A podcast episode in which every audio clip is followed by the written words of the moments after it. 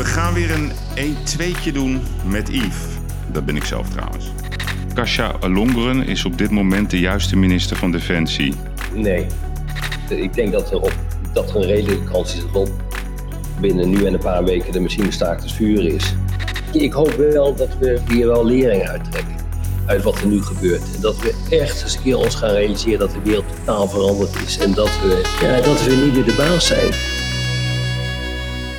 Ja, lieve kapiteinen, beste luisteraars, het is weer tijd voor een uh, nieuwe uitzending van De Uitblinkers. Vorige week had ik als gast Guido van der Garde over de Formule 1, over Viaplay, over zijn uh, verleden als uh, Formule 1-coureur en uiteraard over Max Verstappen. Het was een heel mooi gesprek. Dat vond trouwens niet de baas van Viaplay, waar ik een fitty mee had, maar dat maakt voor de rest helemaal niet uit. Deze week een hele bijzondere man aan de andere kant van de lijn. Ja, hij is uh, geboren op 14 augustus 1954 in Dordrecht. Studeerde geschiedenis aan de Rijksuniversiteit in Groningen. Tussen 1999 en 2008 was hij hoogleraar internationale betrekkingen aan de Nederlandse Defensieacademie te Breda. En deze meneer was tevens uh, directeur van Den Haag Centrum voor Strategische Studies. Of nog steeds. En sinds 2000 hoogleraar internationale betrekkingen aan de Universiteit van Leiden. En tegenwoordig horen we hem heel vaak en zien we heel vaak hem in de praatprogramma's over de situatie in Oekraïne, de oorlog. Ik heb het over Rob de Wijk, hoogleraar internationale betrekkingen en tevens defensiespecialist. Met hem ga ik vandaag in gesprek. Nou, welkom Rob de Wijk uh, in onze podcast Uitblinker van de Week. Ik weet niet of dat de goede woordkeuze is met al die ellende die ons overvalt. Even voor de luisteraars, um, wat is jouw etiket? Ik ben, uh, ik ben expert op het gebied van, uh, van internationale betrekkingen en internationale veiligheid. Dat is eigenlijk wat ik doe, dus geopolitiek, dat soort zaken. Maar ik ben eigenlijk van oorsprong ben ik hoogleraar internationale betrekkingen en het instituut mm-hmm. uh, dat ik heb opgericht, dat houdt zich ook bezig met internationale betrekkingen, internationale veiligheid. Ja, want, want uh, op jouw cv staat, staat zeg maar vakgebied geschiedenis, uh, hoogleraar Universiteit Leiden, historicus ja. vooral. En je hebt ja. een, een, hele waslijst aan, aan, aan boeken geschreven. De Slag om Europa, De Nieuwe Wereldoorlog, machtspolitiek. Gewoon even een, een vraag. Zag jij dit aankomen, die ellende in Oekraïne? Nou, niet op deze manier, maar dat het uh, helemaal fout zou gaan lopen, dat uh, verbaast me niet echt. Alleen je kan niet, uh, je kan redelijk voorspellen dat er iets gaat gebeuren, maar je kunt nooit precies zeggen wat dat dan is. Mm. dus dat het gewoon inpaste. wat er nu gebeurt, dat is, dat is wel helder. En als je mijn laatste boek, De Slag om Europa, leest, dan snap je ook gewoon heel goed waarom dat er gewoon uitrolt, zo'n zo'n conflict. Want, dat is... maar, je, maar je, kan niet, je kan niet helemaal precies vertellen van dan gaan ze zus en zo gaan ze een land aanvallen. En ik hoorde ook tot diegene die zei van uh, ja, hij gaat niet aanvallen, want hij heeft gewoon te weinig troepen. Want als hij dat gaat doen, dan raakt hij uh, verzeild in een uh, moeras en daar wil hij niet in zitten. Dus het is veel meer een, een drukmiddel om Zelensky van buitenaf tot concessies te dwingen. Nou, dat, dat was, onjuiste, was een onjuiste constatering. Uh, en het was wel een juiste constatering dat wanneer hij het zou doen, uh, hij in een moeras uh, verzeld zou raken. Mm-hmm. Waar, die, waar die nu ook in zit. Ja, voor, voor, voordat ik even ingaat op de inhoud van je boek, hè, en dat, dat je zegt je kon het lezen in mijn boek. Ik heb ja. dertien stellingen. Um, daar wil ik even mee beginnen en dan komen we vanzelf op de andere onderwerpen. En de bedoeling van de stelling is dat je alleen ja of nee zegt. Ja, is goed. Stelling 1. Poetin preventief liquideren. Nee. Sancties tegen China. Nee. Ik heb Poetin onderschat. Nee. Kasia Longeren is op dit moment de juiste minister van Defensie. Nee. Europa is kansloos bij aanvallen uit het oosten. Nee. Trump had gelijk in zaken de verplichte NAVO-afdracht. Ja. Er komt een derde wereldoorlog. Nee. Europa is een tandeloze tijger. Nee. No-fly zone in Oekraïne. Nee. IS gaat dit jaar meer aanslagen plegen in Europa. Mm, nee. China bepaalt de nieuwe wereldorde. Ja. Dick Berlijn is een emotionele analist. Nee. En aan de vrijheid van meningsuiting zijn grenzen gebonden? nee. Nee, oké. Even dan bij het begin. Ehm, de slag om Europa. Ehm, jij zegt in mijn boek, ik mag je zeggen toch? Ja, natuurlijk. Ja, ja. Je zegt, ehm, dat had je al kunnen lezen. Aan de ene kant zeg je, China bepaalt de nieuwe wereldoorlog. Ja. kan je eens uitleggen wat, wat, wat jij zag aankomen en waarom? Kijk, op het moment dat uh, de wereld aan het veranderen is, geopolitiek aan het veranderen is, opkomst van land als China, dan weet je gewoon uh, eh, 100% zeker dat andere landen uh, daarop meeliften op dat succes en proberen om meer ruimte te pakken in de internationale betrekkingen. Nou, dat, dat, dat is precies wat je nu ziet met, ehm, met Rusland. zonder de opkomst van China was dit nooit gebeurd. Want dat betekent dan dat in de oude situatie uh, het Westen gewoon veel en veel te sterk is. En je kan je dan gewoon niet permitteren om, om allerlei militaire avonturisme te beginnen, omdat je weet dat je dat toch gaat verliezen. Maar op het moment dat je gedekt weet door China, kan je dat gaan doen. Hmm. Is de theorie dan ook juist dat, dat, dat Poetin steun is gaan zoeken tijdens de Olympische Spelen in, in China? Ik denk dat dat wel in belangrijke mate klopt. Want in het begin van de Olympische Spelen heb ik Xi en Poetin een, eh, een overeenkomst gesloten. Dat als een gezamenlijk communiqué uitgegeven van 5000 woorden.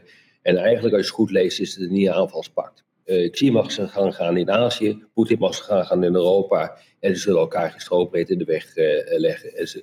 En, ook China, Xi, die steunt Poetin bij zijn strijd tegen de NAVO. Dus ja, het, het, het antwoord is dat daar inderdaad een, een afspraak is gemaakt. Ja, ja.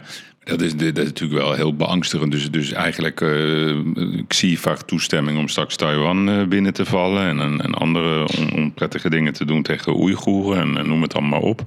En Poetin die, die, die krijgt eigenlijk de vrijheid om, om landje eh, pik te doen in Oekraïne. Um, waarom kijken we daarna en doen we daar niks tegen? Omdat we niks kunnen doen. En uh, ja, ik hoor die vraag natuurlijk uh, ongeveer elke dag. En ik word er eerlijk gezegd ook verschrikkelijk moe van. Ja. ja. maar, uh, niet omdat het een slechte vraag is, maar omdat in die vraag besloten zit dat je iets zou kunnen doen. Kijk, wat er nu gebeurt is, er worden sancties opgelegd. nou, dat zijn de meest vergaande sancties die ooit zijn opgelegd. er wordt militaire steun verleend. dat is de meest vergaande militaire, militaire steun die ooit verleend is. De volgende stap is dat je een oorlog uh, gaat uh, beginnen om Oekraïne met Rusland. Nou, we hebben de afgelopen jaren, uh, eh, 30 jaar, de defensies van de NAVO-landen in Europa totaal verwaarloosd. En de defensies, de, de, krijgsmachten die we hadden, die zijn niet geschikt voor deze taak. Die zijn ontworpen voor vredesoperaties en stabilisatieoperaties van het type dat we de afgelopen 30 jaar hebben gedaan. Nou, dan kan je gewoon geen oorlog meer voeren tegen Rusland. Daar komt het feitelijk op neer. -hmm. Alleen wat, wat, wat mij in ieder geval opvalt, ik heb zelf uh, zeg maar nogal frequent in, uh, in Rusland vertoefd. En ik ken, ja. durf te zeggen dat ik de mentaliteit vrij goed ken. En, Ook, ik kom er, ben er heel vaak geweest. Ja, ja. nou. En, en jij bent toch wel, eh, hebben we gezien in de praatprogramma's, we hebben een paar pittige discussies gezien tussen jou en, en Pieter Kobelens, hè, voormalig uh, AIVD-man. Ja. Die, die vindt dat we veel te makkelijk onze kaarten hebben laten zien. Jij bent heel expliciet uh, tegen die no-fly zone ja. gedachte. waarom, waarom vind je het misschien riskant? Of misschien is, is, is, Omdat we niet kunnen. Omdat je daarmee in oorlog komt met, uh, met Rusland. Maar dat is... En vervolgens denkt niemand na over de consequenties. Van, ik geef je één voorbeeld.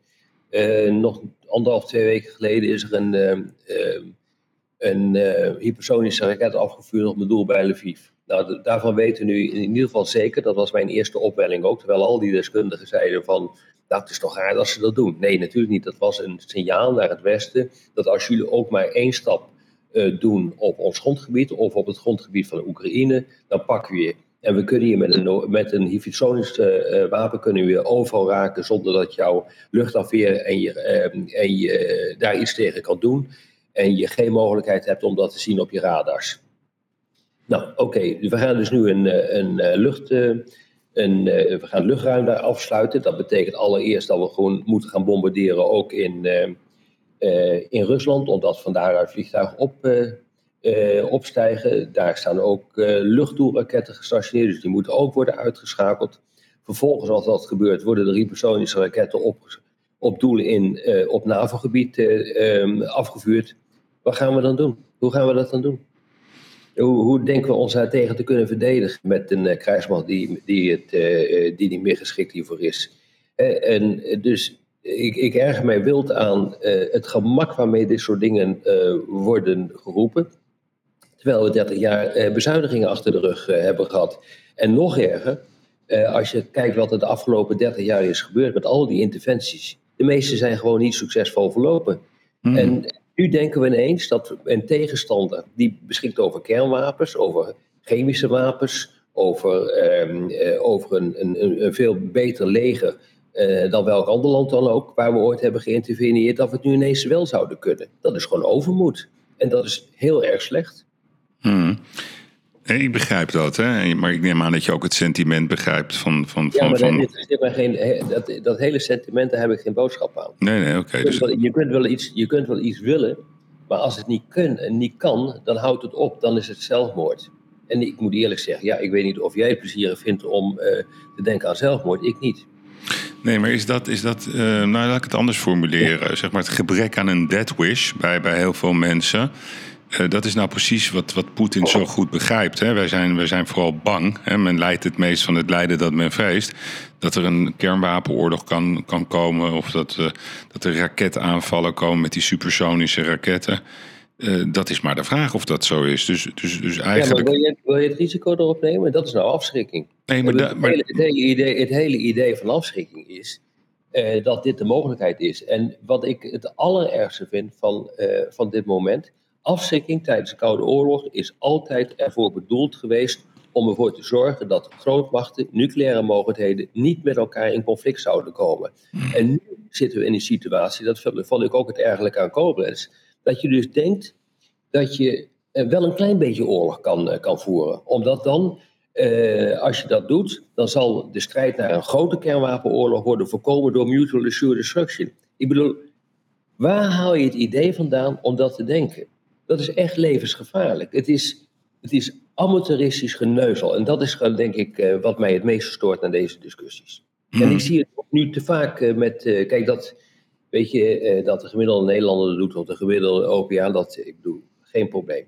Maar op het moment dat militairen dat gaan doen, hebben we echt een probleem. En het probleem van militairen is dat veel mensen denken van, nou, het is een generale, je zal het wel weten. Maar een militair is niet per definitie een expert op het gebied van oorlogsvoering of, het, of conflictbeslechting. Dat is hij gewoon niet.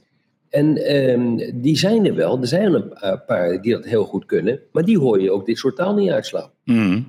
Nee, maar ik begrijp, ik begrijp ook wel dat um, zeg maar het compromis, uh, het gesprek, uh, de onderhandeling dat dat altijd de beste route is. Maar de vraag is of dat überhaupt werkt met deze cultuur die zeg maar het Poetin maar, we zijn niet in oorlog, maar mag ik je al helpen herinneren dat wij niet in oorlog zijn met Rusland? Ja, dat heb ik je heel vaak horen zeggen. Ja, maar, bedoel, dat mag wel eventjes... Maar indirect zijn we wel in oorlog met Rusland. Ja, we hebben, we hebben inderdaad een, een economische oorlog verklaard ja. aan Rusland. Maar we zijn niet militair gezien in oorlog met Rusland. En uh, als jij dus een no-fly zone, uh, zone wil uh, gaan afkondigen, dan zul je gewoon in oorlog moeten komen met Rusland. Nou, de vraag is of je dat wil op dit ogenblik. Dan heb je ook, dan heb je een aantal dingen, als je dat zou willen, ehm, heb je dan ook de verplichting om uit te leggen. En dat is A, ben je bereid om te, te sterven voor Oekraïne? Dat is een belangrijke vraag. Mm-hmm. Ben je bereid om Nederlandse steden op te effen, of Duitse steden op te offeren? Voor die strijd aan Oekraïne. Uh, hoe denk je dat te kunnen doen en denk je dat te kunnen winnen? Nou, als je daar allemaal geen goed antwoord op kan geven, dan houdt het gewoon op. Dan is het zelfmoord. Ja, nee, dat begrijp ik. En ik ben het ook met je eens dat, dat het ingrijpen in Afghanistan, in Srebrenica, in Irak, dat het allemaal. En dat, waren, dat waren kleine lullige conflictjes, hè? Nee, nee, dus daar kan ik. Nee, maar daar, daar zijn we het helemaal over eens. Hè? Mm-hmm. Maar aan de andere kant is natuurlijk de, de logische vraag: wat is dan ja. onze maximale gereedschapskist? Als we zien. Dat wat we nu doen. Dat wat we nu doen. Maar in ja. Nederland bijvoorbeeld, uh, je, je, noemde net het woord sancties. Uh, de Nederlandse regering is niet eens in staat om de sancties gewoon uh, tot, tot, tot realisatie te brengen. Ik bedoel, Nee eens. En je zult, uh, voordat je nieuwe sancties op, uh, oplegt, ook na de verschrikkelijke beelden die we nu weer hebben gezien, uh, voordat je nieuwe sancties oplegt, zul je eerst ervoor moeten zorgen dat je eigen sancties gewoon werken. Ja, dat ze ook uitvoerbaar zijn. En dat ze uitvoerbaar zijn. En dat je, kijk, het, het, het stomste wat je nu kunt doen, is nieuwe sancties opleggen die ook niet werken en die ook niet geïmplementeerd kunnen worden. Wat je nu moet doen, is proberen om zo groot mogelijk deel van de wereld achter die sancties te krijgen. En om uh, zo'n, uh, uh, om, om, om van die moordpartijen die je nu uh, op, op televisie ziet, op die aan te grijpen om zoveel mogelijk landen achter je te krijgen. Nou, dat zal nog een hele heisa worden om dat voor elkaar te krijgen. Maar dat is wel de methode om het te doen. En niet om nieuwe sancties in te richten. Maar, maar, wat, maar, wat is dan onze maximale gereedschapskist? Dat is wat we nu doen? Is dat het maximale? Ik denk wat... dat we niet veel meer kunnen doen. En denk dan niet dat het veel effectiever wordt dan dit. En waar, waar, wat verwacht je zelf? Want ik, uh, ik had gezien dat je, dat je in een interview met RTL Nieuws had je gezegd... ja, ik verwacht dat het uh, uh, ja, twee weken, maanden had je het over. Ja, het zou maanden kunnen duren. Het zou ook jaren kunnen duren. Ik heb geen idee. Dat hangt, ik denk dat er, op, dat er een redelijke kans is dat op binnen nu en een paar weken de machine staakt het vuren is. Dan is de grote vraag, waar gaat dat staakt het vuren voor dienen? Uh, dient dat er alleen maar toe voor uh, Rusland om zich te kunnen hergroeperen. En om zijn, uh, zijn verliezen aan te zuiveren en om vervolgens weer na een paar weken, een paar maanden opnieuw te beginnen. Of is het echt iets wat moet leiden tot een vredesakkoord? Ja, maar goed, ik, ik, stelde jou net de vraag in de stelling: is Dick Berlijn, hè, voormalig, wat was hij, hoofd defensie volgens mij? Hij was, hij was de commandant de strijdkracht. Ja. Nee, de, de, ja. Ja, dus, dus ik, ik vroeg aan jou, vind je hem een emotie, uh, emotionele analist? Nee, en ik vraag dat omdat hij op, op Twitter... waarom je het vraagt. Ja. Maar kan je even ja. uitleggen waarom ik dat vraag? Want dat weet ja. niet alle luisteraars. Nee, nee, dat klopt. Leg maar uit. Ja, dus hij zat op Twitter, is hij eigenlijk van mening dat, dat we eigenlijk een soort totale oorlog moeten ontketenen. Dus de Oekraïners moeten koet koet winnen. En jij vroeg ja. dan aan hem, ja, hoe dan? En, en toen werd het stil. Ja, daar krijg je een antwoord op. Omdat hij namelijk, omdat een emo, dat is wel een emotionele uitbarsting die mij verbaast. Ja. Uh, ik ken Dick, Dick goed, ik heb uh, gro groot respect voor hem. Ik vind hem een fantastische vent. Maar ja, je, je, hebt echt de verplichting in een oorlogstijd, om als je dit soort dingen roept, zeker als generaal, uh, dat je dan ook even moet uitleggen hoe. Ja, maar dat weet niemand. Nee, dat weet ook niemand, dus moet je het niet doen. Oké, okay, dus je moet dat niet doen. En, en, en daaraan nee, dat mag, dat, dat mag jij wel doen. Hmm. Uh, maar mensen die er echt verstand van hebben, zoals Dick Verlijn, maar ik, die, die moet dat niet doen. Want dan heb je ook de verplichting om uit te leggen hoe dan. Hmm. En als je dat niet kunt, dan ben je alleen maar bezig met, uh, met het opstoken van uh, de sentimenten. Waardoor je eh, eigenlijk ja, eh, de, de bevolking klaarmaakt voor iets wat je niet waar kunt maken. Hmm. En, en, en daar gekoppeld, hè, want ik vraag, is Europa een tandeloze tijger? Nou, jij vindt van niet. Nee. Want we doen een hele hoop. En nogmaals, we zijn niet in oorlog. Maar als je nu gewoon kijkt wat er gebeurt op uh, het gebied van de wapenleveranties en het, uh, op het gebied van uh, economische sancties, ja, dan moet je toch constateren dat er echt sorry, ontzettend veel gebeurt. En dat heeft geen precedenten. Mm. Ja, dus je kan moeilijk zeggen dat er, dat er niks gebeurt of dat het onvoldoende is. Alleen, het is gewoon niet effectief. Mm. Maar, is, maar, maar in dit soort situaties is ook weinig te bedenken wat heel erg effectief is. Ja, nou ja, de, de, misschien wel, misschien niet. En, en, en wie... wie, wie nee, nee, nee, nee, dat, nee, dat is te makkelijk gezegd. Misschien wel, misschien niet. Want daarmee twijfel je gewoon aan het feit uh, of dat wel of niet zou, uh, zou kunnen. Hmm. Maar uh, ik hoor geen enkele serieuze analist, geen enkele expert op het gebied van internationale betrekkingen, dan wel sancties, dan wel defensie, die zegt van dit is een magische, magische oplossing en dat kunnen we gaan doen en dan houdt het ermee op. Het is nog gewoon nooit gebeurd in de geschiedenis. Nee, dat begrijp ik. Maar jij zegt, ik hoor geen enkele analist. Laat ik dan even terug naar, naar het motief gaan. Um, wat, wat, wat, is volgens, wat is er volgens jou gebeurd met Poetin? Dus aan de ene kant, in begin 2000 uh, kwam hij toch over als iemand die zijn best deed. Hij heeft zijn best gedaan met, met sport te kopen, met het WK. Ze wouden niet komen. Dus hij deed zijn best met de Olympische Spelen. Ze ja. wouden niet komen. Hij deed ja. zijn best met een vaccin. Het was niet geschikt. Hij deed zijn best met de Nord Stream. we, willen het, we willen het niet van je kopen. Maar ondertussen bleven we het gas wel bestellen bij hem. Ja, Dus, dus hij vindt ons hypocriet. Ja, dus hij is om de een of andere Ja. manier doorgeslagen tijdens corona. De kliek die om hem heen zit, die is bang. Die durft hem geen tegengas te geven. En wij, wij hebben het toch wel laten gebeuren. Laten we daar eerlijk over zijn. En Als ik het heb over we, dan heb ik het over Europa. ja klopt. Nu is de Nou vlam, in, vlam in de pan. En nu, nu, nu, nu, nu zitten we alleen maar te kijken. Ja, wat zou je willen? En dan kom je weer bij die vraag uit eh, van, ja, dit had je allemaal eerder moeten bedenken. En ik heb er, eh, eh, god weet hoe vaak, niet voor gewaarschuwd, dat wanneer je je defensie en zo verwaarloost, dat je dan militair avanteurisme uitlokt. nou, iedereen heeft altijd gezegd, die de wijk is zwart kijken. Maar goed, ik bedoel, het is nu wel gebeurd. Ja, weet je, dan moet je nu ook niet zitten te brullen dat, dat je niets kunt doen. Ja, dat is, wel, dat is wat het is. En wat dit gewoon bewijst, is de neergang van het Westen. De, de, het relatieve machtsverval van het Westen wordt hier ongelooflijk pijnlijk mee duidelijk. Maar ja, dat hebben we onszelf al aangedaan. Ja, en heb jij... en, en, en, en daar even dat punt van, eh, want daar heb je natuurlijk absoluut gelijk in. Eh, dit heeft een voorgeschiedenis.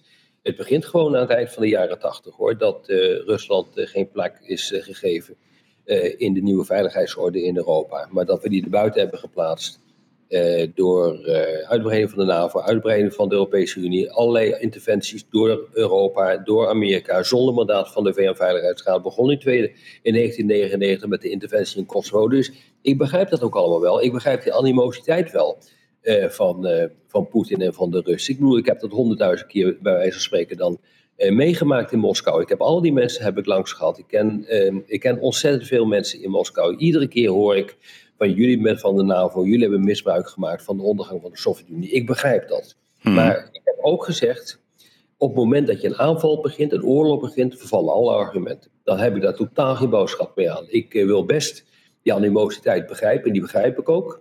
Eh, Maar op het moment dat jij een oorlog gaat beginnen, dan houdt het gewoon op. Ik bedoel, dan ben je over een grens gegaan en dan gaat de teller weer opnieuw eh, beginnen. En alles wat daarvoor is gebeurd, dat telt niet meer. Ja. En goed, dit zijn duidelijke teksten. Maar als je dan kijkt naar Europa. Hè? Jij, jij bent, eh, ik hoorde een beetje twijfelen, maar toch was je wel vrij expliciet. Hè? Kasia Alongren is op dit moment in jouw belevenis niet de juiste minister van Defensie. Kan je me uitleggen? dat, dat staat meer voor mij. eh, kijk, dat staat meer. Kasia Alongren, dat kan best een goede minister zijn. Maar het probleem is, en daarom heb ik nee gezegd, daar moest ik even over denken. Het probleem is dat, wij, dat deze crisis moet worden opgelost. En dat is niet een probleem van Ollongren. eh, maar deze crisis moet worden opgelost door eh, politici die hebben eh, eh, eigenlijk meegewerkt. En nooit daar iets tegen hebben gedaan. Tegen 30 jaar bezuinigen op defensie. Ehm, geen affiniteit hebben met buitenlands beleid. En nog nooit een crisis als deze hebben meegemaakt. Die moeten dus nu, die moeten dus nu ons uit deze crisis halen. Nou, Ja. dat is een heel groot probleem. Want dat betekent gewoon dat er, dat er. Hier moet je gewoon verstand van hebben. En hier moet je leiderschap kunnen, kunnen tonen. En dan moet je begrijpen wat wel en wat niet kan. En anders ga je, is er een groot gevaar dat je meegaat eh, met, eh, met, met, het, ehm, ja, met het maatschappelijk sentiment. En dan ga je dingen doen die je niet kunt waarmaken. Dat is levensgevaarlijk. Ja, want jij bent wel voorstander van een, een sterk Europa, van een EU. Ja, Ja, en, en, en je zegt aan de andere kant, eh, Trump had gelijk in zaken de verplichte NAVO-afdracht. hè. Dus die heeft altijd gewaarschuwd, jullie betalen te weinig aan de hele dat ook NAVO. gelijk met uh, Nord Stream 2, hè? Ja, had hij ook gelijk in. Heb, heb jij ook voor, eh, ehm, ho- hoorde jij bij de club anti-Trump of eh, pro? Ja, absoluut. Ja, Ja, zeker. Want Trump heeft dus één ding niet gedaan. Op een aantal punten had hij absoluut gelijk. Dat heb ik ook altijd, eh, daar, dat heb ik ook altijd gezegd. Maar op één punt niet. En dat is America First zonder bondgenoten. Hmm, En, en, en daardoor, en, en zijn aanvallen op, eh, op de NAVO, zijn aanvallen op de eh, Wereldhandelsorganisatie, op de Wereldgezondheidsorganisatie, eh, het, het slopen van klimaatakkoorden. Daarmee heeft hij zo'n klap veroorzaakt, ook in de transatlantische samenwerking en ook in het, in het idee dat je ook in de toekomst op Amerika kunt vertrouwen, ondanks dat er nu boet, dat Biden nu aan de macht is. Dat is, on, dat is een onherstelbare schade die hij heeft aangericht. En je kunt alleen maar in zo'n situatie, zoals deze, met grote geopolitieke veranderingen overeind blijven als West als je samenwerkt. Nou, die samenwerking is geen gegeven meer met Amerika, ook nu niet. hmm. Want we weten gewoon niet wat er naar Biden komt. Nee, oké, maar Wat, wat, wat mij opvalt, hè, want ik, ik vroeg jou ook, eh, ben je, vind je dat er uh, zeg maar grenzen zijn gebonden aan de vrijheid van meningsuiting? Zeg jij nee. Maar ik, ik, ik ga toch eventjes op een uitspraak van jou in uh, 25 januari 2008 wijzen. Hè, toen riep jij in trouw dat de vrijheid van meningsuiting van Geert Wilders beperkt moest worden, omdat Wilders het nationale, de nationale veiligheid zou bedreigen met zijn voor. Heb, heb, je dat stuk wel echt gelezen of heb je een of andere lullige quote gezien in uh, Wikipedia? Nee, nee, nee. Ik, ik, heb, ik heb het stuk gelezen, maar ik haal wel die quote eruit. Ja, maar dan heb je dus precies de quote uit zijn context gehaald. Oké, okay, leg stond, uit. Daarom vraag ik het je. Wat, er, wat erin stond, is als je naar het Europese verdrag van de rechten van de mens kijkt, dan is dan is de vrijheid van meningsuiting geclausuleerd daar waar het gaat om uh, de, uh, de veiligheid, de nationale veiligheid van een land. Op het moment dat jij bewust de, veiligheid, de nationale veiligheid van een land aan het ondermijnen bent, dan mag, veilig, dan mag de vrijheid van meningsuiting uh, aan worden gebonden. Dat, dat, mag zelfs, dat mag zelfs de rechter besluiten. dus ik bedoel, wat ik zeg is gewoon een feit wat in de internationale wetgeving staat. En wat dus ook stond in het, uh, en nog steeds staat in het internationale verdrag van de rechten van de. Ja. Het Europese, sorry, het Europese verdrag van de rechten van de mens. Ja, laat ik zeggen dat ik dat volledig begrijp. Maar ik, ik, wat ik niet begrijp, en dat is, um, dat is zeg maar de manier van leiderschap waar wij als Europa mee te maken hebben. En dan bedoel ik of het nou Xi is in China, het is MBS in Saudi-Arabië. Het is Poetin in Rusland. Het zijn andere leiders die op hun eigen manier zich houden aan de wet. En wij willen altijd eh, als Europa, het Westen zoals we altijd worden genoemd, willen altijd het meest correcte jongetje van de klas zijn. En we kennen bijna elk wetsartikel uit ons hoofd. Ja. Is dat wel sustainable? Want we hebben te maken met een heel ander type, type mens. We hebben te maken met hele andere structuren. Dat klopt. Maar de vraag is of je dan je eigen waarden uh, te grappen wil gooien. Nou, dat, ik denk dat wij dat niet willen. Maar ik denk dat onze manier van denken niet meer houdbaar is om ons te kunnen verzetten tegen het geweld. Mentaal, fysiek, maar ook, ook financieel. maar dat, dat hoop ik al jaren. Ja, maar hoe, hoe kunnen we ons daar dan wel... Want ben jij voor een Europees leger, om maar eens een voorbeeld te noemen? Ja, dat is allemaal, dat is allemaal lulkoek. Dat is allemaal lulkoek. Ja, dat is echt lulkoek. Ja, maar goed. Ja, dat is gewoon echt, weet je, dat is dat is een ongeïnformeerd debat uh, van, uh, van, van, mensen die, die dat ook koppelen aan de Europese superstaat. Dus dat is een totaal gepolariseerd en ideologisch debat geworden. en dat, dat, als je Europese samenwerking ben ik groot voorstander van.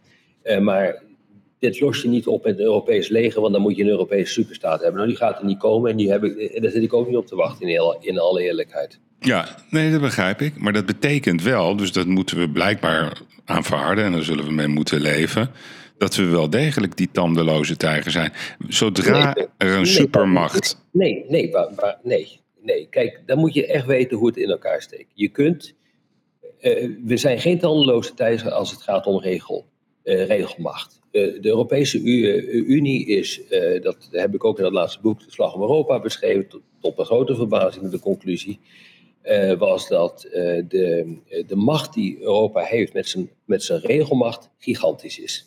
Uh, elk land die wil toegang hebben tot de Europese macht, je zult echt je aan de regels moeten houden om tot die markt te kunnen toetreden en daarop te kunnen opereren. En dat heeft zeer vergaande consequenties. Zelfs zulke grote consequenties dat de Europese Unie zelfs in staat is om, als ze dat zouden willen, een bedrijf als Facebook kop te knippen. Dat is één punt. De sancties die nu worden opgelegd, die hebben geen precedent. Dat kun je niet tandeloos noemen. Maar denk niet dat sancties altijd het gewenste resultaat uh, hebben. Dat is inherent aan sancties. Maar dat ze worden opgelegd, dat ze grote schade doen in uh, Rusland, is, uh, is evident. Dan een, de krijgsmachten. Wat je moet doen op Europees niveau, en dat is ook wat Amerikanen graag zien, is dat je zogenaamde enablers hebt, waardoor je van die versplinterde Europese krijgsmachten één grote gevechtsmachine kan maken. Dat is iets anders dan een Europees leger. Dat is veel meer een technische oplossing. Dat is een zaak van afspraken maken, procedures. Daarmee kun je dat doen. Binnen NAVO gebeurt dat. Maar die enablers, dat heeft te maken met commandovoering, met communicatieapparatuur, eh, met satellietsystemen. Die enablers worden nu door de Amerikanen eh, geleverd. Daardoor kan, eh, als het noodzakelijk is, Europa toch meer als één blok ook militair optreden. Wil je dat als Europa zelf ook kunnen? En, en we zullen wel moeten, omdat militair gezien voor Amerika Azië de prioriteit heeft, dan zullen we die enablers zelf moeten hebben. En daar moet de discussie over gaan. Maar daar gaat de discussie niet over. Want als je kijkt naar het laatste strategische kompas, dat wat is het, twee weken geleden is verschenen, eh, dat Borrell heeft eh, gepresenteerd, de hoge commissaris eh, van het buitenlands beleid, van, of hoge vertegenwoordiger van het buitenlands beleid van de Unie, nou, dan staat dat er gewoon niet in. En dat is echt een groot probleem. Ja, maar aan de andere kant, ehm, vind, je, vind jij überhaupt niet dat wij sancties moeten doen tegen China? Terwijl, ik bedoel, het is duidelijk dat dat de eindbasis is in het hele, in het hele traject. En, en wat jou betreft ook de nieuwe supermacht. Ja, maar kijk, uit alles, uit alles, uit al je vragen blijkt dat je een overschatting hebt van hoe groot het Westen is nou, dat, dat, is jouw constatering. Ik stel gewoon vragen. Dus ik heb helemaal geen mening over. Nou dat, dat, dat, dat gaat mijn verstand te buiten. Ik, weet, ik bedoel. ik heb, zo komt het over. Ja, dat mag. Dat, mag, dat zijn jouw woorden. Dat is alleen maar heel goed. Nee. Uh, maar ja, wij moeten ook eens een keer leren dat uh, onze, onze macht ja, relatief is. Dat wij niet uh, de mogelijkheid hebben om overal in de wereld militair op orde, orde op zaken te zetten en eh, met onze eh, sancties in staat zijn elk land op een bepaalde manier te richten. Dat kunnen we gewoon niet. En ehm, ja, dat, ik, ik, ik, begrijp het allemaal wel. En dat is natuurlijk ook eh, waarom ik die opmerking maakte tegen, tegen jou. Want ik hoor je namelijk ontzettend vaak. maar het heeft ook te maken, het is ook vaak ingegeven, die gedachte, door het feit dat de afgelopen honderden jaren wij Westelingen gewoon de machtigste waren in de wereld. En door die opkomst van China is dat gewoon aan het veranderen. En dat betekent gewoon dat je machtsinstrumenten steeds botter beginnen te worden. Hmm. Dus je kunt niet meer zoveel. Ik bedoel, ik wou dat het allemaal kon. Als ik een magische oplossing had, dan had ik hem al lang uh, gepresenteerd. Nee, oké, maar ik ga niet zeggen dat dit defaitistisch is. Dat, uh, dat, durf ik niet te zeggen. Want gewoon, uh, nee, dat is het niet. Dan krijg ik weer het volgende verwijt naar mijn hoofd. Ja, ja natuurlijk. Dat krijg, die krijg je ook zeker. Ja, oh, absoluut. Maak je geen zorgen. nee, maar... nee, maar... Nee, maar het is niet defaitistisch. Het is ook een... Uh, ja, het is ook gewoon een erkenning van hoe de situatie is. En je zult dus moeten dealen met die nieuwe situatie. En dat, dat heeft grote consequenties voor wat je me eerder vroeg Namelijk, kunnen wij nog wel met die potentaten omgaan op een manier waarop wij zouden willen? Het antwoord is nee. Dus eh, dat betekent dat waarden en eh, steeds minder een exportproduct kunnen, worden eh, van het Westen, maar veel meer iets wat, wat de westerse wereld zelf bindt. En, die moet je, en die moet je beschermen. Dus het wordt, het, het wordt veel meer een bescherming dan dat je offensief dat soort waarden kunt uitdragen over de hele wereld. Hmm. Maar, maar, vind jij dan ook dat we ons te veel bemoeien met, met, de, met de wereldpolitiek, terwijl we eh, zeg maar in, eh, in eigen grenzen het helemaal niet onder controle hebben? Moeten, we, moeten we onze handen afhouden van Afghanistan-discussies, Qatar-discussies? Noem ze allemaal maar op. Is daar... ik, denk dat, uh, ik denk dat het onvermijdelijk wordt om dat, uh, om dat te doen. Hmm. En het, nogmaals, waarde en macht zijn twee zijden van dezelfde medaille. Heb je minder, minder macht, dan kun je minder waarde uitdragen. Of je het leuk vindt opnieuw, hmm. of, of niet. En dat zien we op dit ogenblik gebeuren. En als je gewoon kijkt wat onze track record is de afgelopen eh, decennia, dan is het niet, niet geweldig. Het heeft, we hebben ons eigenlijk uiteindelijk alleen maar hiermee zelf in de voet uh, geschoten. Met hmm. al die militaire avonturen. Uh, ik, ben er ook, ik was bijna tegen alle avonturen, behalve tegen uh, de regime change in Afghanistan. Maar ik was vervolgens wel weer tegen ehm, de, de, de, wederopbouwmissie in Afghanistan. Ik, daarvan heb ik gezegd, dat gaat, dat, dat gaat nooit werken. Nou, dat is ook wel gebleken. Hmm. Ik was ook tegen de interventie in, uh, in Irak. Waarom? Nou ja, je zou nog wel een regime kunnen afbieden, af, afdwingen, maar daarna raak je verzeld in een land waar je dan vervolgens eigenlijk juridisch de eigenaar van wordt, die je niet, die je niet op een behoorlijke manier kunt opbouwen. Nou, dat is, allemaal, dat is ook allemaal gebeurd. Hmm. En, en, want dan ga ik weer even terug naar, naar, die, naar die tafeldiscussies. Hè? Want je, je, je, je legt het eigenlijk heel goed uit nu. Uh, wat, waarom je eigenlijk vindt dat we onze handen ervan af moeten halen. Ehm, vind jij dat dan uh, politiek correct gezever? Als een Koblenz zegt, ja, oorlog, oorlog, oorlog. Uh, we moeten ons niet laten kisten. Eigenlijk zeg maar een soort open sluis naar een, een mogelijke wereldoorlog. Is het dan onkunde wat die heren verkondigen? In de, in, nee, het is, het is wel gebaseerd op een, op een zeer oprechte emotie, emotie die ik ook goed kan eh, die ik ook goed kan plaatsen en die ik ook heb. En het is ook gebaseerd op machteloosheid van dit kan toch niet, we moeten wat doen. Ik, mhm. Die heb ik ook. Maar tegelijkertijd uh, ben ik ook analist en weet ik er iets vanaf. En weet ik ook gewoon, ook vanuit de geschiedenis. En uh, meer, ik heb meer dan voldoende verstand van defensie, internationale betrekkingen, sancties, hoe dat allemaal werkt hoe machtsinstrumenten werken. Ik heb daar god weet hoeveel boeken over geschreven. Hmm. Ehm, eh, en, en het record, is niet geweldig. En iedere keer lopen we in dezelfde val gewoon. En dat is mijn grote probleem. Iedere keer lopen we in dezelfde val. Namelijk, uh, je kunt niks en toch wil je weer wat gaan doen. Want het, uh, het is emotioneel en moreel en ethisch toch zo belangrijk om wat te gaan doen. Nou, het is ethisch ook niet te verkopen om bijvoorbeeld Nederlandse jongens de dood in te sturen. Of dat nou vliegers zijn van een eh, jachtvliegtuig of dat dat soldaten op de grond zijn. Die je met onvoldoende spullen de oorlog in gaat sturen. Dat is ethisch ook niet te verkopen. Hmm. Kijk, wat jij zegt ook, hè, dus, dus de, de, Duitsers die zeggen we gaan 100 miljard investeren, waarop jij meteen zegt van ja, leuk en aardig, maar dat gaat minimaal 10 tot 15 jaar duren. 10 jaar als het supersnel is en 15 jaar is normaal, voordat ze het apparaat op, op orde hebben.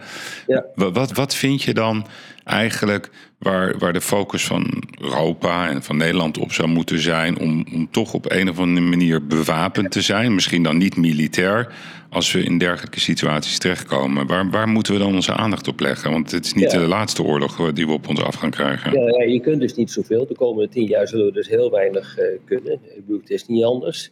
Nee, maar je, wat je moet doen is, uh, je moet denk ik veel meer nadenken eh, nadruk eh, gaan, eh, gaan leggen op weerbaarheid. Op? Weerbaarheid, weerbaarheid, weerbaarheid van de bevolking. Ehm, begrijpen dat hoe de wereld eruit gaat zien, dat het trouwer wordt.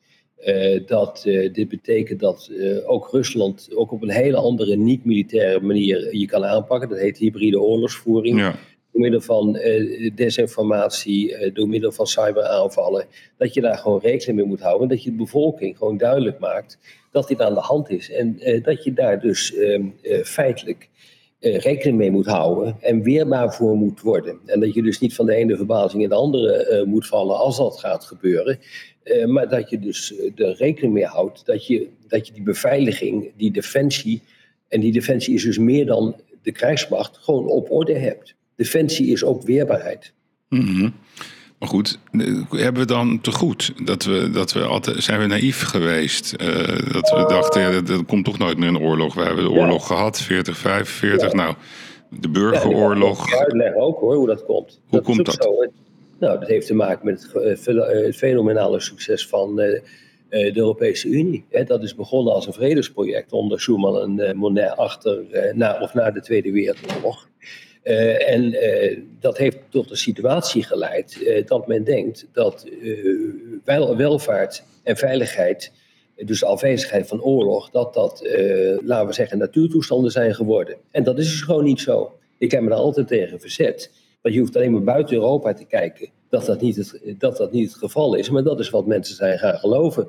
Uh, alle problemen die we hebben gehad in Europa met alle grote oorlogen, die zijn door de Europese Unie veilig uitgebannen, omdat uh, de mechanismen voor conflictbeslechting in, naar, uh, naar Brussel zijn verplaatst. Daar zien elke, elke week zien de Europese leiders elkaar daar. En ze praten bij wijze van spreken elke week over van alles en nog wat. Of dat nou ministers zijn of premiers. Maar elke week gebeurt dat. Militairen spreken elkaar continu.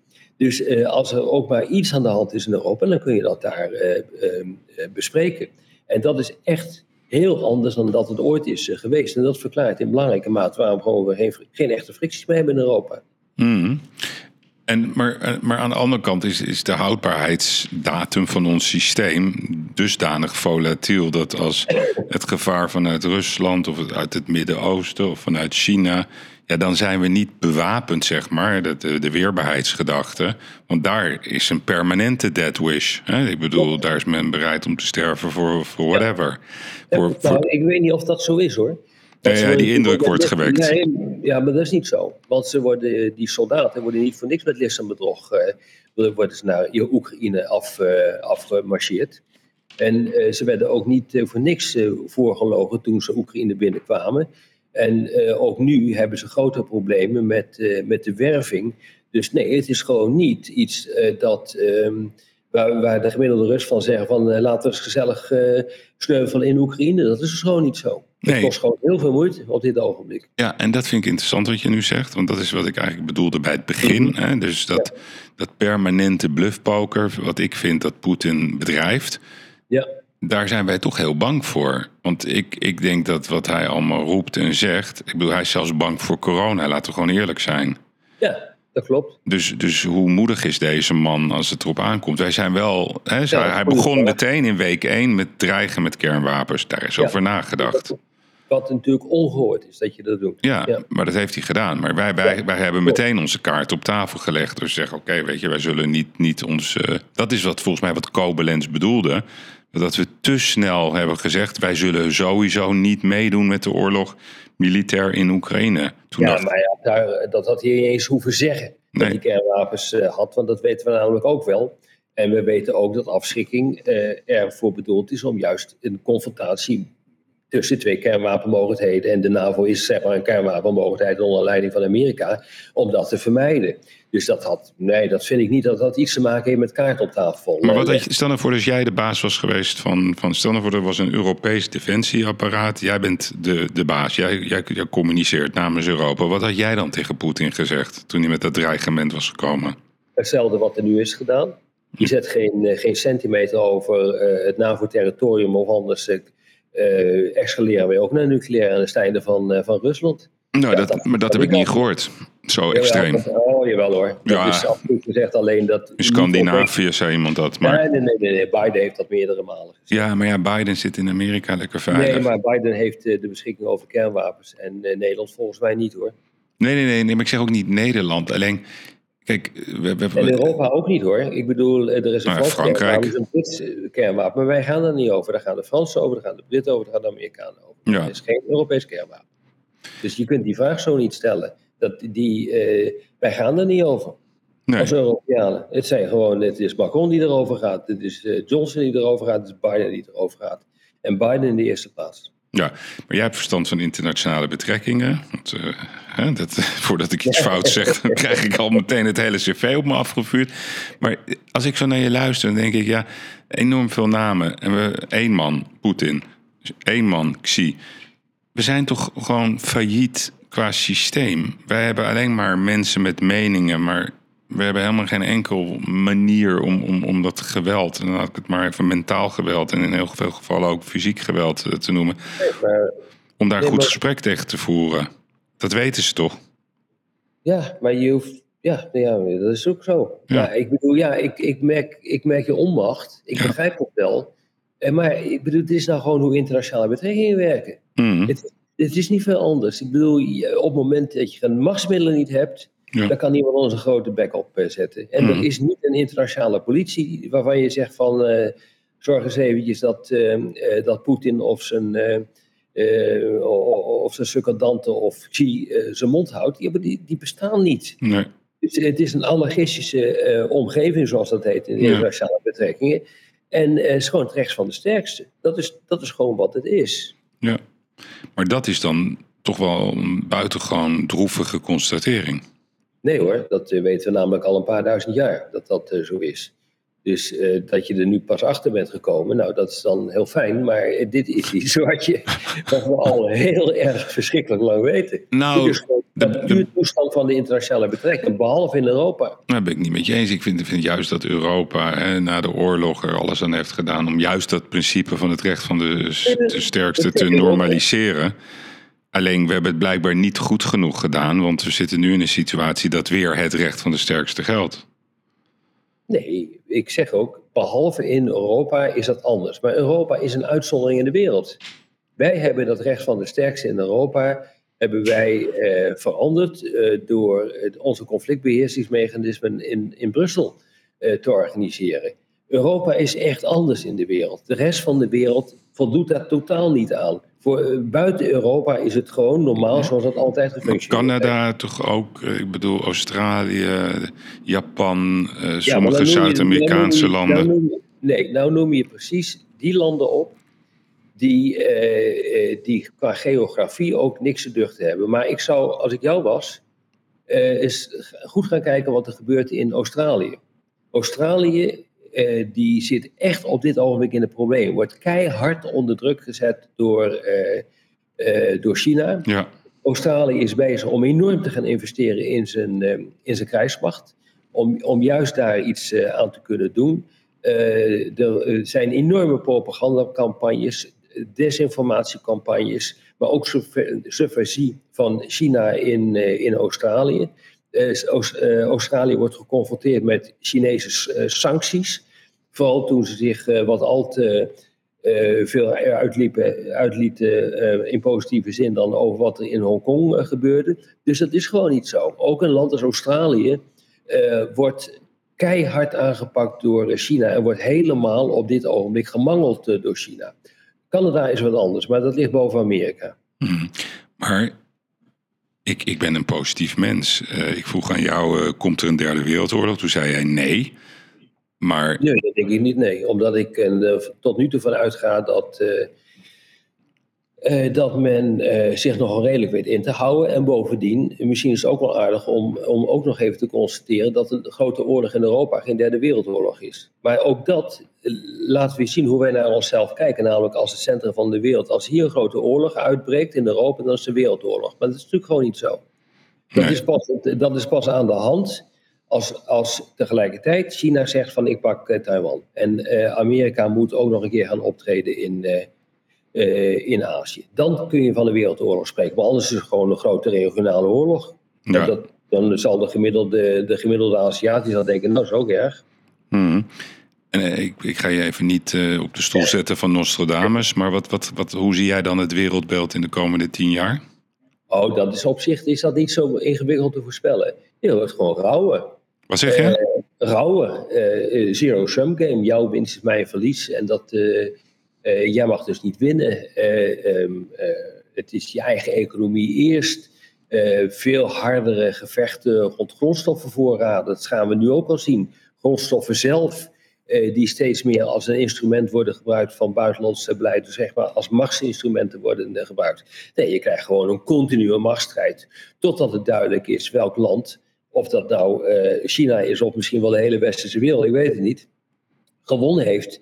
En uh, in een, uh, kan bepalen dat dat, dat dat land de sterkste is in de wereld. Tot, zolang dat niet is uitgekristalliseerd, krijg je continue, krijg je continue fricties in de internationale betrekking. E economische oorlogsvoering, militaire oorlogsvoering, dat ga je gewoon continu krijgen. Dus dit is gewoon het begin van een periode van ongehoorde fricties in de internationale betrekkingen.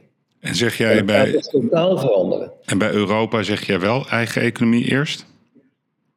Nou, wij hebben geen grondstoffen, maar uh, het is wel uh, verstandig om zoveel mogelijk autonoom te worden op een aantal gebieden. Nou, daar wordt keihard aan gewerkt op dit ogenblik door de Europese Commissie om zo min mogelijk afhankelijk te worden van een aantal vitale zaken, maar ook om heel goed te investeren in zaken die je echt nodig hebt. Bijvoorbeeld halfgeleiders. Ik ben een groot voorstander van het halfgeleiderinitiatief van de commissie.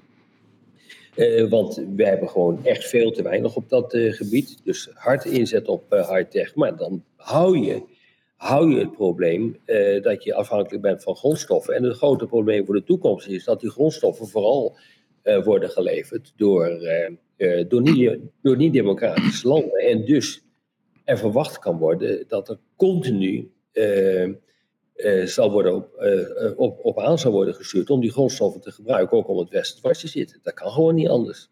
Ja, dus eigenlijk als ik het even samenvat, de wereld is mooi Maar beter dan dit gaan we het op dit moment niet krijgen. Nee, en lees mijn laatste boek. Dan, uh, ik heb een, een, tiental kenmerken gegeven van de toekomstige wereld. Van een wereld die, door, die steeds meer door China wordt gedomineerd. Nou, je, dus, je, het klopt. Je ziet het gewoon voor je ogen gebeuren nu. Ja, dus daar, daar, daar zitten we in en we're just beginning ja. eigenlijk. Ja. ja, dat klopt. Nou ja, kijk, dit is al jarenlang zichtbaar. Alleen mensen komen nu eindelijk achter dat het echt waar is. Ja, maar ik heb, ik heb nog niet echt een oplossing ge, gehoord hoe we dan als Europa ons hier op een of andere manier tegen kunnen bewapenen. Jawel, je moet defensiever worden. Wij worden gewoon defensiever. Wij zijn altijd redelijk offensief geweest met onze waarden, maar ook met onze militaire macht, omdat we altijd vonden dat we overal in de wereld het goede moesten uh, doen. Maar wij zullen gewoon steeds minder uh, ons gaan bemoeien met de rest van de wereld. Maar we zullen ook de, de, de, de transacties, ook op het grondstoffengebied, zullen we steeds zakelijker gaan uh, bekijken. En voor de rest worden we defensiever. Ik denk dat al die grote militaire avonturen, dat die in belangrijke mate voorbij zijn, behalve misschien als het, sorry, als het echt niet anders kan. Uh, dat je dan uh, nog om toegang te krijgen tot grondstoffenvoorraden, dat je dan nog eens een keer uh, je krijgsmacht daarvoor gaat inzetten. Of wanneer je met China afspreekt en met Rusland afspreekt om ergens een simpele vredesoperatie te gaan beginnen. Dat kan allemaal nog wel. Maar voor de rest zal het veel minder activistisch worden. veel meer beschermend gaat het worden. Dat gaat ook met onze krijgsmacht gebeuren. Die gaan we omvormen tot een beschermende krijgsmacht. Ja, en, en welke, op welke partij heb je eigenlijk gestemd in Nederland? Ja, dat doet er niet toe. Nee? Nee. Maar is er, is, is er wel een partij waar je... Je hebt wel gestemd, toch? Ja, ik heb wel gestemd. Maar je, ja. maar je, wil, je wilt het liever voor nee, je ik zeg het. Nee, anders hoor ik dat weer, zie ik weer in de sociale media. Oh, dat zegt hij als, nou, als VVD of PVDA of VVD, PVV'er. Ik maak me allemaal niet uit. Nee, dat doe ik niet. Nee, ik nee. ben onafhankelijk in mijn... Uh, in mijn uh, uh, duidingen. En uh, dat moet vooral ook zo blijven, eerlijk gezegd. Nee, dat was wel duidelijk vandaag. Ja. ja. Nou, ik wil je bedanken voor je bijdrage. En is er nog iets waar je op wilt terugkomen? Mm, nee. Nee, dat hebben we alles wel gehad hebben. Nou ja, alles. We hebben, we hebben een poging gewaagd om de, om, de, om, de, om, de, om, de, comple om de complexe wereld te duiden. Hè? Ja, nee, maar het is ook, kijk, nou ja, weet je, ik hoop wel dat we, dat we, dat is ook zoiets, dat we hier wel lering uittrekken. Uit wat er nu gebeurt. En dat we echt eens een keer ons gaan realiseren dat de wereld totaal veranderd is. En dat we, ja, dat we niet meer de baas zijn. En dat wij gewoon, dat er hele grote beperkingen zijn aan wat we kunnen. Dat is al, al 10, 15 jaar is dat duidelijk. Maar als het nu nog niet duidelijk is, je blijft maar continu doorgaan op diezelfde weg, dan heb je echt wel een probleem als maatschappij. Ja, nee, maar dat, dat principe, we zijn niet meer de baas, hè? Uh, dat, dat is een heel bescheiden, prima principe. Ik weet niet of dat heel erg is, maar wat je wel hoopt natuurlijk. Je hoopt dat we dan wel de dingen doen die we moeten doen, in plaats van alleen maar die ronde tafelgesprekken. Nee, het is, het is niet wat we moeten doen, maar wat we kunnen doen. Ja, ja. Maar... Is echt, het is heel westers om te denken wat we moeten doen. Ja, ja. Maar we moeten een hele hoop van onszelf, maar we kunnen steeds minder. En dat, dat besef, dat zijn dan denk ik wel een goede conclusie. Dat besef moet nu echt eens een keer doordalen. Dat, of indalen. Dat je echt gewoon niet in staat bent om dat te doen wat je zou willen doen. Mm. En dat dat heel vervelend is en dat dat een ongelofelijke hoeveelheid negatieve energie oplevert uh, en frustratie. Dat begrijp ik heel goed. Dat heb ik zelf ook, maar ik heb het al lang bij neergelegd. Mm. Ja, ja. oké, okay, nou helder. Ik weet niet of ik het met alles eens ben, maar uh, je hebt me wel tot denken aangezet. En hopelijk, ja, hopelijk, ook, de, en ook, hopelijk ook de luisteraars. Ja, ja. ja wat ik merk, uh, misschien tot slot, is mensen zijn het vaak niet met me eens, omdat de waarheid gewoon heel vervelend over is. Nou, daar ben ik het uh, zeker met je eens. Kijk, waarheid is pijnlijk. Hè? Het, ja. het, het is ook uh, heel makkelijk om populistisch te praten en, en, en, en, en, en de, de, arm te heffen. En we moeten de strijd aangaan en dan achteraf je knopen te tellen. Dus ik ben ja. degelijk met je eens dat waarheid heel pijnlijk is. Ja. Aan de andere kant, snap, wat ik niet snap van, van, van je verhaal, is waarom we geen sancties moeten instellen tegen China. Want ik bedoel, die vind ik net zo medeschuldig als, als, als de Russen. Maar dat is een mening. Wel, ja, je, omdat je uiteindelijk zo ongelooflijk jezelf in je voeten schiet.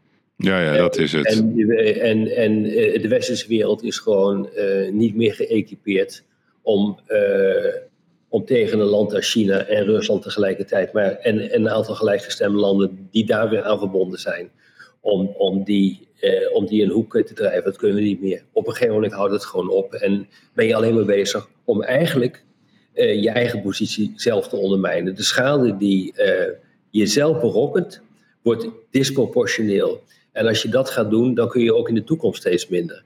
En, en dus het klinkt allemaal geweldig flink. En ik begrijp het ook allemaal wel dat we nu ook nog een keer eh, tegen China uh, tekeer moeten, uh, moeten gaan. Maar waar halen we nou het lef vandaan om te denken dat wij de hele wereld, want daar, daar komt het dan ongeveer op neer, naar rechts kunnen richten? Ik bedoel, dat is toch een hoogmoed van je welste.